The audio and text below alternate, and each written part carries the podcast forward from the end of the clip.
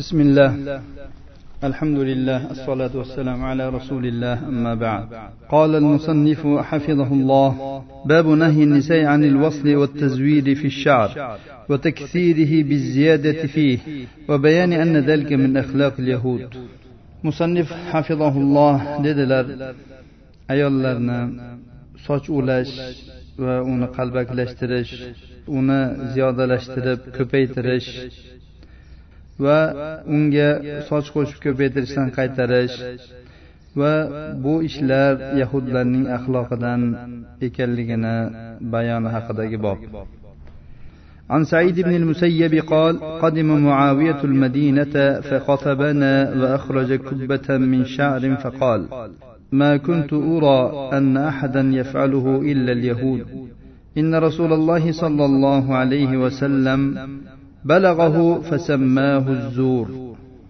وفي رواية لمسلم عن سعيد بن المسيب أن معاوية قال ذات يوم إنكم قد أحدثتم زي سوء وإن نبي الله صلى الله عليه وسلم نهى عن الزور. قال وجاء رجل بعصا على رأسها خرقة. قال معاوية ألا وهذا الزور؟ قال قتادة يعني ما يكثر به النساء أشعارهن من الخرق سعيد بن المسيب رحمه الله رواية قلنadi dedilar muoviya madinaga keldi va u xutba qildi xutbasining asnosida bir to'p sochni chiqardi va dediki men bu ishni yahudlardan boshqasi qilmaydi deb o'ylagandim Rasululloh sollallohu alayhi vasallamga bu ish yetganda u zot bu ishni yolg'on qalbakilik deb nomlagandilar.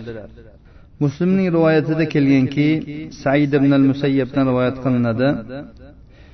Muoviya kunlarning birida dedi sizlar yomon bir kiyimni paydo qilibsizlar.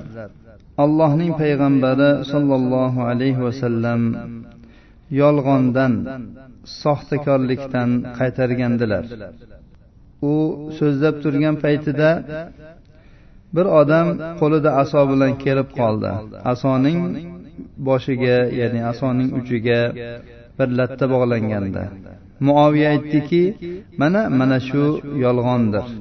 Qatoda aytadiki ya'ni ayollar boshlariga lattalardan qo'shib sochlarini ko'paytirishlarini nazarda tutmoqda. Bu yerda asoga bog'langan lattani misol keltirib aytdilar. Bu hadisda ayol kishi sochiga boshqa sochni ulashi juda ham katta munkar ishdan ekanligining bayoni kelmoqda. Bu hadis ayol kishi sochiga boshqa sochning ulashi juda ham katta munkarlardan ekanligini bayon qildi. Rasululloh sollallohu alayhi vasallam bu ishni qilishdan qaytarganlar va qilgan ayollarni la'natlaganlar. Bu xususdagi hadislar yuqorida o'tdi. Hadislarni abu hurayra ibn umar oysha roziyallohu anhum jamian eh, rivoyat qilganlar. Ularning hammasida taqriban soch ulovchi va ulashni talab qiluvchi ayollarni la'natlanganligi haqida kelgan. Osha roziyallohu anhuning rivoyatida kelgandiki ansonlardan bir qiz turmushga chiqdi. Shu turmushga chiqqan paytda u kasal bo'lib sochlari to'kilib ketdi. Siyraklashib ketdi juda ham. Shunda uning ahli ya'ni oilasidagilar Э, uning sochiga soch ulashni xohlashib rasululloh sollallohu alayhi vasallamdan buning hukmini so'rashganda rasululloh sollallohu alayhi vasallam aytdilarki alloh taolo soch ulovchi va ulashni talab qiluvchi ayolni la'natladi dedilar. Asmo bint abu bakr roziyallohu taolo anhudan rivoyat qilinadi. Bir ayol rasululloh sollallohu alayhi vasallamning oldiga kelib so'radi. Men qizimni turmushga chiqarmoqchi edim. Uni sochi to'kilib ketdi. Eri shu uning sochiga soch ulashimni xohlayapti shunday qil deyapti. Sochiga soch ulasam bo'ladimi? Dedi. Rasululloh sollallohu alayhi vasallam soch ulovchi va ulashni talab qiluvchi ayolni so'kdilar.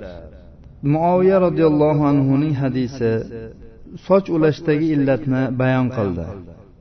Rasululloh sollallohu alayhi vasallamga bu ish yetgan paytda u zot buni soxtakorlik yolg'on deb atagandilar. Va rasululloh sollallohu alayhi vasallam doimo yolg'ondan soxtakorlikdan qalbaklikdan qaytarganlar. Demak bu illat erning buyrug'i bilan zoil bo'lmaydi. Agar er ulovur deydigan bo'lsa erni rozi bo'lishi bilan yoki buyrug'i bilan bu illat zoil bo'lib qolmaydi. Ya'ni harom ish erni buyrug'i bilan halol bo'lib qolmaydi. endi bu hadisga ibn masudning ham hadisini qo'shadigan bo'lsak unda alloh taoloni yaratgan narsasini o'zgartirishdan qaytariq kelganda bu qaytarish haqiqiy bo'ladimi yoki vaqtincha bo'ladimi? bularni yuqorida bayonlari o'tgan. bularni hammasi mamnudir ya'ni qaytarilgandir ammo sochga boshqa bir narsani ulansa masalan rangli iplar ulanadigan bo'lsa ba'zi bir ulamolar buni e, qaytariqqa kirmaydi deganlar. Ammo ulangan narsa sochni rangida bo'lib uni ajratish iloji bo'lmasa ko'rgan odam sochi uzun deb o'ylaydigan bo'lsa ko'rgan odam deganda erkaklar tushunmaylar ayol kishi masalan bir ayolni ko'rdi sochi uzun ekan. Buni sochi uzun ekan deb o'ylaydigan darajada bo'lib qoladigan bo'lsa u ipdan ulagan bo'lsa ham boshqa ulagan bo'lsa ham bu narsa mumkin emas. Lekin hozirgi zamonda bu narsalar yo'q bo'lib ketdi.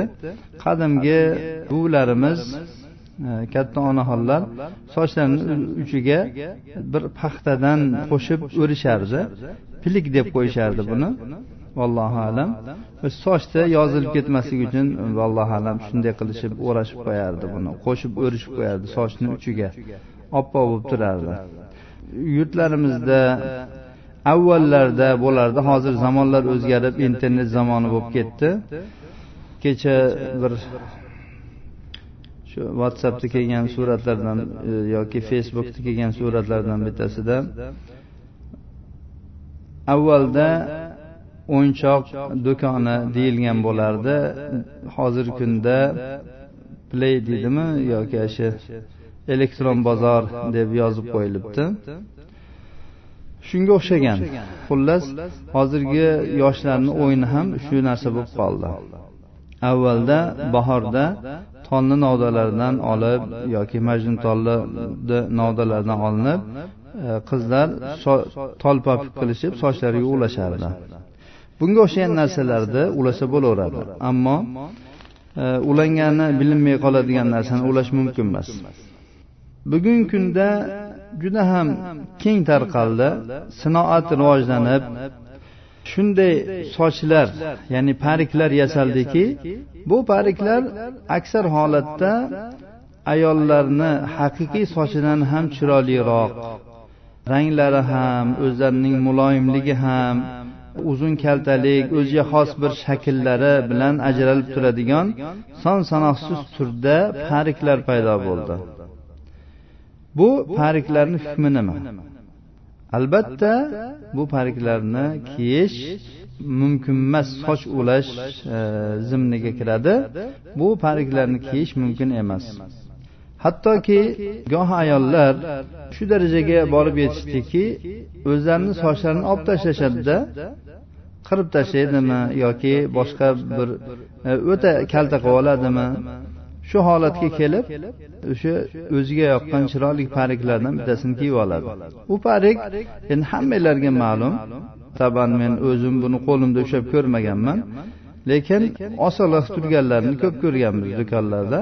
Bu endi ko'rinishdan xuddi bir telpakka o'xshaydi. Telpakni olib boshiga bostirib kiygandek uni manimcha kiyib olishadi. Shu bilan umuman ya'ni bir boshqa olam bo'lib qoladi bu ayol. Ulamolar bu kabi pariklarni kiyish mumkin emas harom deganlar.